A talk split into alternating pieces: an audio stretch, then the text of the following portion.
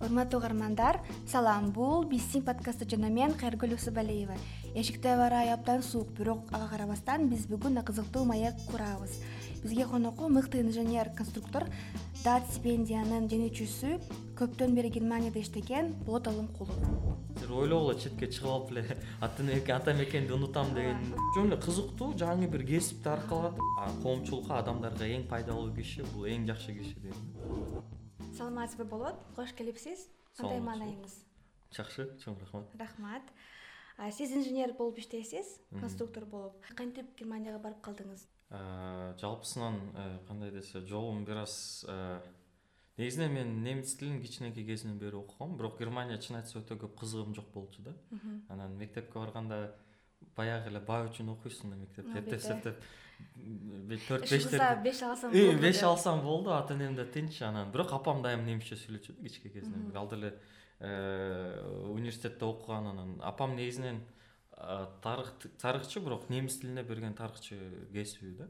Атам экөө мгуду окуп бүтүрүп анан кыргызстанга келген да анан э, албетте бул кандай десе өзгөчө бир басым болгон жок. Бирок багыт берилген да немис тилине. Анан атам да айтып аткан немис тилин окуу мектеп кезинде бирок чын айтса көңүл бурбай эле баягыдай эле жүрүп баса баса анан политехке тапшыргам. Биздин азыркы кыргыз аразаков атындагы кыргыз техникалык университети.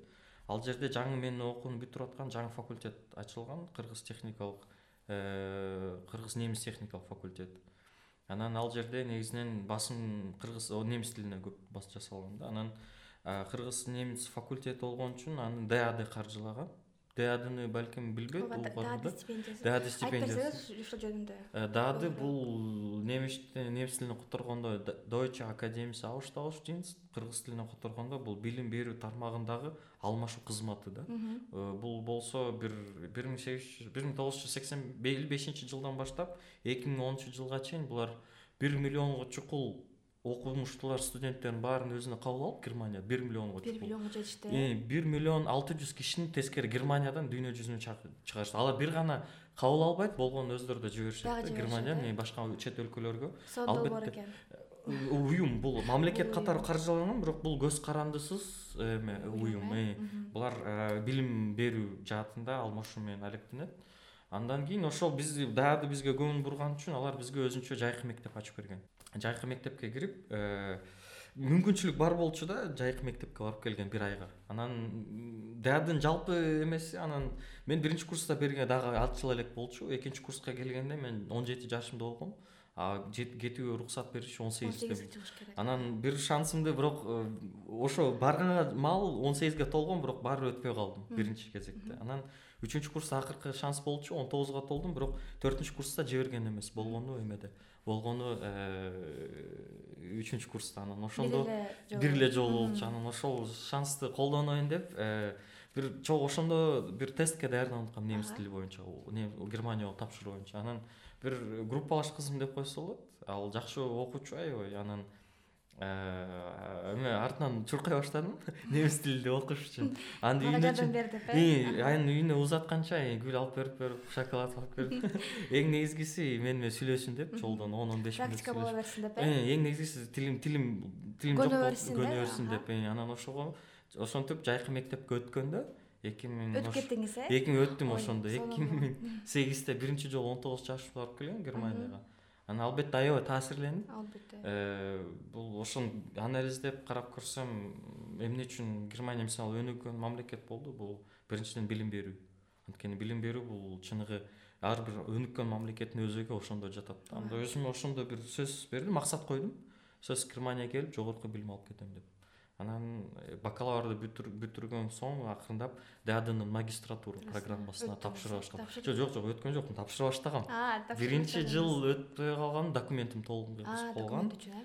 Экинчи жолу собеседование үчүн өтүп бирок ал жерден кулап калгам анан үчүнчү жолдон эле уттум сиз үч жолу берген үч жолу жок ооба үч жолу бергем барып эле берип калып эле тапшырып калбайсың. Бул негизинен көп учурда кулап калышат бирок жыйынтыгында өттүңүз? жыйынтыгында кудайга шүгүр өттүм ошол кайсыл шаарга кайсы шаарга мен эки миң он биринчи жылы кассель шаарына өткөм кассель шаарынын университетине университет кассель дейт немисче аталышы ошол жерде.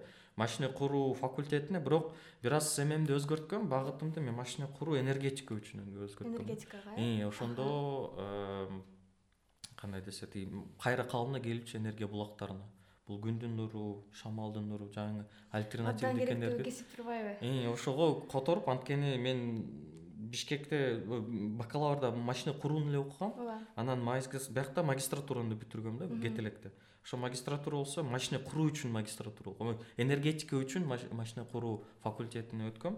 Анан андан ары уже толук кандуу мындай энергетика тарабына өткөм да. Бирок ал машина куруу бойдон машина куруучу бойдон эле калгам да. А сиз кантип ошол инженер болом деп чечтиңиз негизи. негизи мындай болгон ал деле бир өзүнчө окуя анткени мен негизинен кичке кезинен көбүрөөк же ата энем катары тарыхчы болоюн дегем же болбосо врач болоюн дегем да. Эки эле кесипти ооба ошонун арасынан эле тандагам негизинен. Анткени э, көп учурда ошол эле маалда менин классташтарым ошол кезде тренд болчу экономист же юрист дипломат юрист ушундай да анан мен деле карасам экономикада кызыгып аткам бирок мындай карасам баары эле бир калгандай болгум келген жок да баары бирдей эле. Анан атам айтты тапшырып атканда тарых факультетине өткөм манаста анан э, эмеде лингвистикада арабаев университетине өткөм бюджетке. Анан атам да айтты азыр политехте жаңы факультет ачыптыр менеджмент машиностроение деп аталган да орусча айтканда. Мен да ойлогом да мейли бул экономикасы баары окшойт деп.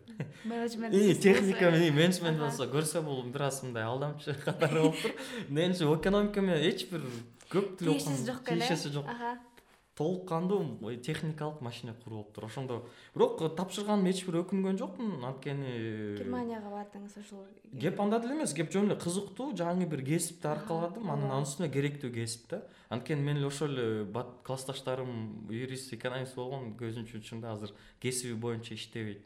Анткени ал эле кезде түшүнүктүү болчу. Ушунча көп юрист менен экономист мамлекетке керек. албетте. Бирок ушунчалык санда балким керек деле эмес деп ойлогом да ошо инженерияда кыздар көппү же көбүрөөк мырзалар көппү? Албетте негизинен бул мунун деле мындай эркек кесиби деп коет негизинен. Анткени бизде биздин группабызда жыйырма беш киши болгону менен он беш эркек э, беш кыз эле болгон. Бирок он беш кыз болгон он он кыз. Ошондо он беш плюс он. Бирок анын ичинен бешөө эле аягына чейин аяктады бир группалаш кызым башында эле биринчи курста эле турмушка чыгып кеткен. Калган эки германия мен кеттим деп а эме болсо тиги. А бирок германияны алып көрсөк ал жерде негизинен беш эле процент машина куруучулардын кесиби боюнча беш эле пайыз анын үчүнөн дагы бир ошо беш проценттин ичине изилдеп көрсөк бир жетимиш проценти эмелер архитекторлор. Именно машина куруу жаатынан анткени машина техникалык профессияларды карап атпайлыбы кесиптерди ошонун ичинен жалпысына караганда э, баары бир эң көп учурда бул эмелер да мындай. Э, машина курууда жалпысынан эркектер да мындай. А кыздар көбүрөөк көбүрөөк болсун болуу үчүн кандай шарттар керек инженерияда? вот биздин мен эки миң он жетиден баштап эки миң он тогузга чейин университетте иштегем германияда илимий изилдөөчү катары. Анан бизде деле сабак берүүдө биз деле айтканбыз бир максат болчу кыздардын санын көбөйтүү да. И ошондо атайын Э, атайын mind for you деген программасы болчу анын ичинен фрауен так деген же айымдардын күнү деген же болбосо атайын кыздарга арналган программалар бар болчу да. Техниканы тааныштыруу билгизүү. Биздин факультетте негизинен абдан жакшы баланс бар болчу. Бизде тогуз профессор болсо төртөөсү аялдар болчу. аял киши профессор абдан жакшы. Ооба албетте анан анын үстүнө Э, илимий изилдөөчүнүн арасынан э, тогуз киши болсок ошонун арасынан төртөө да аял болчу жакшы көрүнүш турбайбы германия үчүн абдан жакшы көрүнүш. анткени э, германия инженердик мамлекет анан инженердик өлкө. Ошондуктан ал деле мындай презенс деп коет го инглишче а негизи германияда жашоо кандай экен? Немис эли кандай экен? Сиз эмне үчүн кайра кыргызстанга кайтып келдиңиз немис эли кандай десем баягы айтылган негизинен стереотиптер бар болгон жалпысынан чын.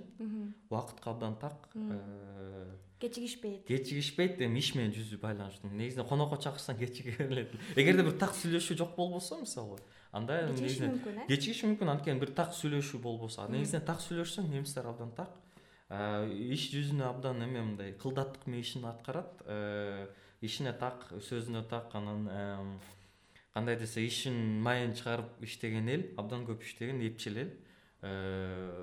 Кандай десе ачык айкын сүйлөшкөн эл да. Жалпысынан. Анан кыргызстанга келгеним эми убакыт келди деп ойлодум. Эле тогуз жарым жыл жашадым германияда тогуз жарым жыл. Тогуз жарым жыл иштеп иштедим окудум болгон ойлоом боюнча тажрыйба чогулттум керектүү анан баары бир башынан бери максат жок болчу германия толук кандуу кеткен ошондуктан мен биринчи билим барган алган кеттим. билим тажрыйба инженер болгондуктан албетте иштеп көрдүм.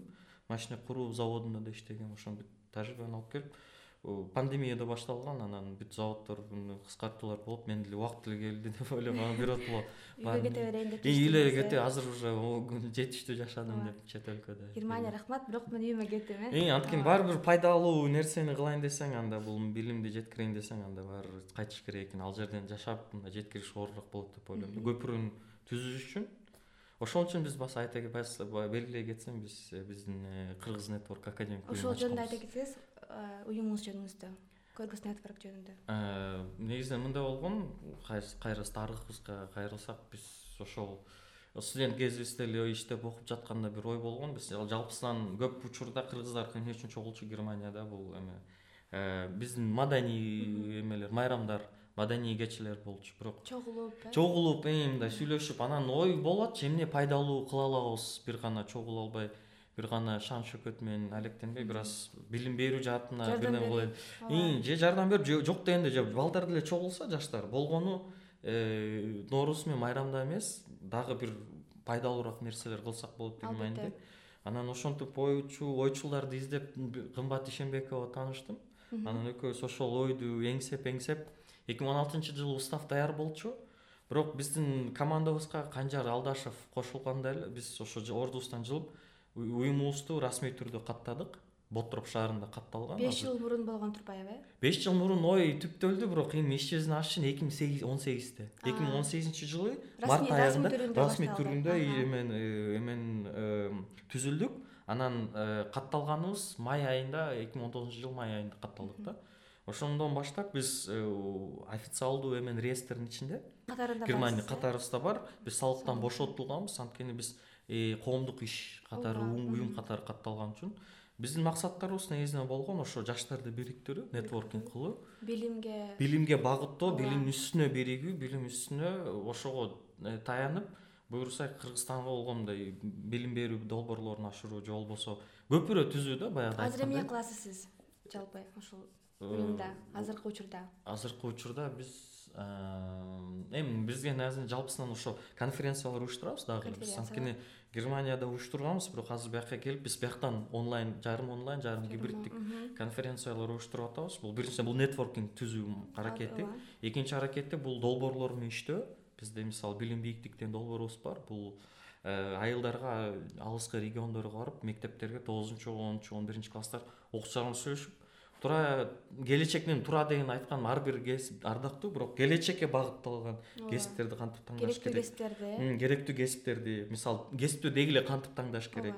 Э, убакытты туура пайдалануу максатты коюу ошол жөнүндө семинар өткөрөбүз мотивация берип мотивация берип чет өлкөдө окуп келгиле сөзсүз айтабыз. Биз эч качан үгүттөбөйбүз бүттү чемоданды чогултуп кете бергиле жок албетте биз өзүбүз кайткан үчүн айтабыз бул тескери негизинен чет өлкөгө чыкканда билим алып кайра кыргызстанга келип жардам бер деп ооба албетте патриоттук сезимди аябай күчөйт чет өлкөгө чыкканда албетте э, ызаланасың мамлекетте. Ушунчалык жеңил нерсе өзгөртүү ушунча жеңил мүмкүнчүлүктөр бар болгону менен эчтеке кылбаганыбызга ызаланып айтасың. Да тескери патриоттук сезим күчөгөндөн айтабыз. Силер ойлогула четке чыгып алып эле ата мекенди унутам деген болбойт. Тескери ата мекенди эки эсе үч эсе көбүрөөк ойлонот экенсиң да келечегин анан ошол бир бир долбоорубуз. Анан э, конференциялар өткөрөбүз. Андан тышкары мындай онлайн э, интервьюлерди беребиз.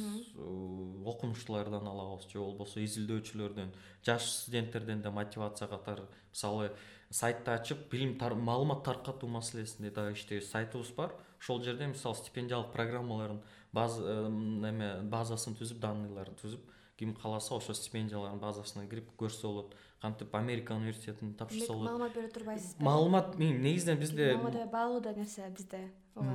Бизде ошо үч жаат үч эме конференциялар. нетворкинг маалымат таркаруу анан долбоорлорду ишке ашыруу үчөө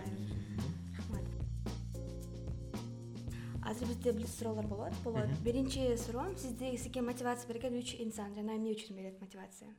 Үч инсан. Ооба. Көбүрөөк болсо болот эми кандай десе э, эми албетте ар бир адам айткан ата энем анткени алардын э, мээрим сүйүүсү акталбаса деген маселе анан. Албетте алар көп үмүт кылат ошо үмүттү актоо маселеси анан алардын тарбиясы текке кеткен жок албетте. Э, ошол ата энем болот экинчиден кандай десе эми мисалы чыңгыз айтматовдун интервьюлөрүн окуп ал кандай десе улутчул чыныгы биздин кайсы китеби жакшы көргөн китеби эми албетте жамиля анан анан таны эме гүлсары да. Гүлсары. Ошо негизи көп эме мотивация ошондон алам да ошол китептен анткени таанабай талыкпай өзүнө ишенген киши. А жамиляда жалпысынан мындай ата мекенге сүйүү мисалы даниярдын болгон э, ата мекенине сүйүү ошо абдан катуу жакшы чагылдырган да. Анан үчүнчүсү кандай десе бир кишини айта албайм бирок жалпысынан мисалы биздин аталарыбыз мисалы жусуп абдрахмановдун жашоосу абдан касым тыныстанов алардын өткөн жолу менин оюмча бул бизге үчүн чыныгы ошол элита менен ошо менен чыныгы биздин элитабыз ошо менен жоголду деп ойлойм. ошондон бери биз өзүбүз калыбыбызга келе албай жатабыз дейм да анткени ошондогу атылган биздин лидерлерибиз бүгүнкү күнгө чейин мындай улуттук кызыкчылыкты ойлогон анан э, жалпысынан мамлекеттин келечегин ойлогон ошон болгон аталарыбыздан ажырагандан баштап менин оюмча бизде бир эме мындай чоң Э, жар пайда болду да ошондон баштап биз өзүбүзгө калыбыбызга келе албайбыз келе албай жатып улут катары келе албай жатабыз деп ойлойм да ошондон бери. Мен да туура деп ойлойм. Сиздин күнүмдүк иш кылган нерсеңиз мисалы мен туруп муну кылам тигини кылам деген күнүгө жасаган нерсеңиз? Күнүгө жасаган нерсе э, эми негизинен турганда план күндү пландаганды аракет кылам сөз жазып блокнотум дайыма. ойлонуп жазам же же соткага жазып алам же блокнотума сөз жазам эртеңки пландар кандай. Анан экинчиден көбүрөөк жөө басканга аракет кылам. Анткени мындай басканда мээң сергип мындай жакшы иштеп турат да. Анан үчүнчүсү колуман келишинче досторум менен жолугам эгер болбосо. Күнүгө жолугасыз. Колуман келишинче дейм да. Анткени баары германияда жашап ошондон сагынып калдыңыз социалдык жашоо аябай аз болгондуктан германияда. Анткени ал жерде жашоонун угу такыр башка ошондуктан билбейм ошону бир биякка келгенден баштап компенсация кылып атам окшойт жылдар бою анткени досторум баары үйлөнгөн көпчүлүгү анан ошон ошонун баарын жетишпей калган үчүн балким сонун экен сиздин жашоодогу девизиңиз кандай жашоодон девизибиз коомчулукка адамдарга эң пайдалуу киши бул эң жакшы киши дейм да ошол буюрса ошо пайдалуу болгонго аракет кылам ошондуктан ошого үгүттөгөн уюмдуу уюмда иштеп уюмду түздүк. жатасыз. Ооба бул деле бир мотивациянын бири да албетте. азыр биздин угармандарыбыздан суроолор болот. Биринчи суроо. Германияга немис тилин билбесем барса болобу бар мүмкүнчүлүктөр бар. Ал өзгөчө айти сферада анткени чоң айти компаниялар алар негизи англис тилинде иштешет. Англис тилинде. Сап чоң демек англис тилин үйрөнүп эле бара берсе болот бара берсе болот бара бара германияга келгенде а жашоо кыйын болбойбу? Жок жашоого албетте узак мөөнөткө жашасаңыз беш он жылдан ашайын немис тили керек. немис тили керек германия мисалы дагы эле консервативдүү мамлекет. Мисалы голландияга барсаңар өмүр бою англис тили менен жүрө берсеңер жыргап жүрө берсе болот бирок эмени ал эгерде атылдуу кылайын десеңер албайсыңар. Германияда ушундай эле. Бирок германияда өзгөчөлүгү алар сүйлөйбүз дегени менен бирок чынында жашоого алып келгенде немис тили өтө маанилүү немис тили керек. керек албетте керек. Экинчи суроо кайра германияга же башка өлкөгө кетем деген ойлор келеби же болду кыргызстанга келдиңизби? Негизинен кыргызстанга келдим деп айтсам болот бирок албетте мисалы мен да андан ары илимий изилдөөлөр кылгым келип атат. Албетте бир эгерде стипендия утуп алсам же ооба илимий изилдөөнү. Бирок кыргызстан менен байланыштуу буюрса ошо илимий изилдөөлөр аткарган.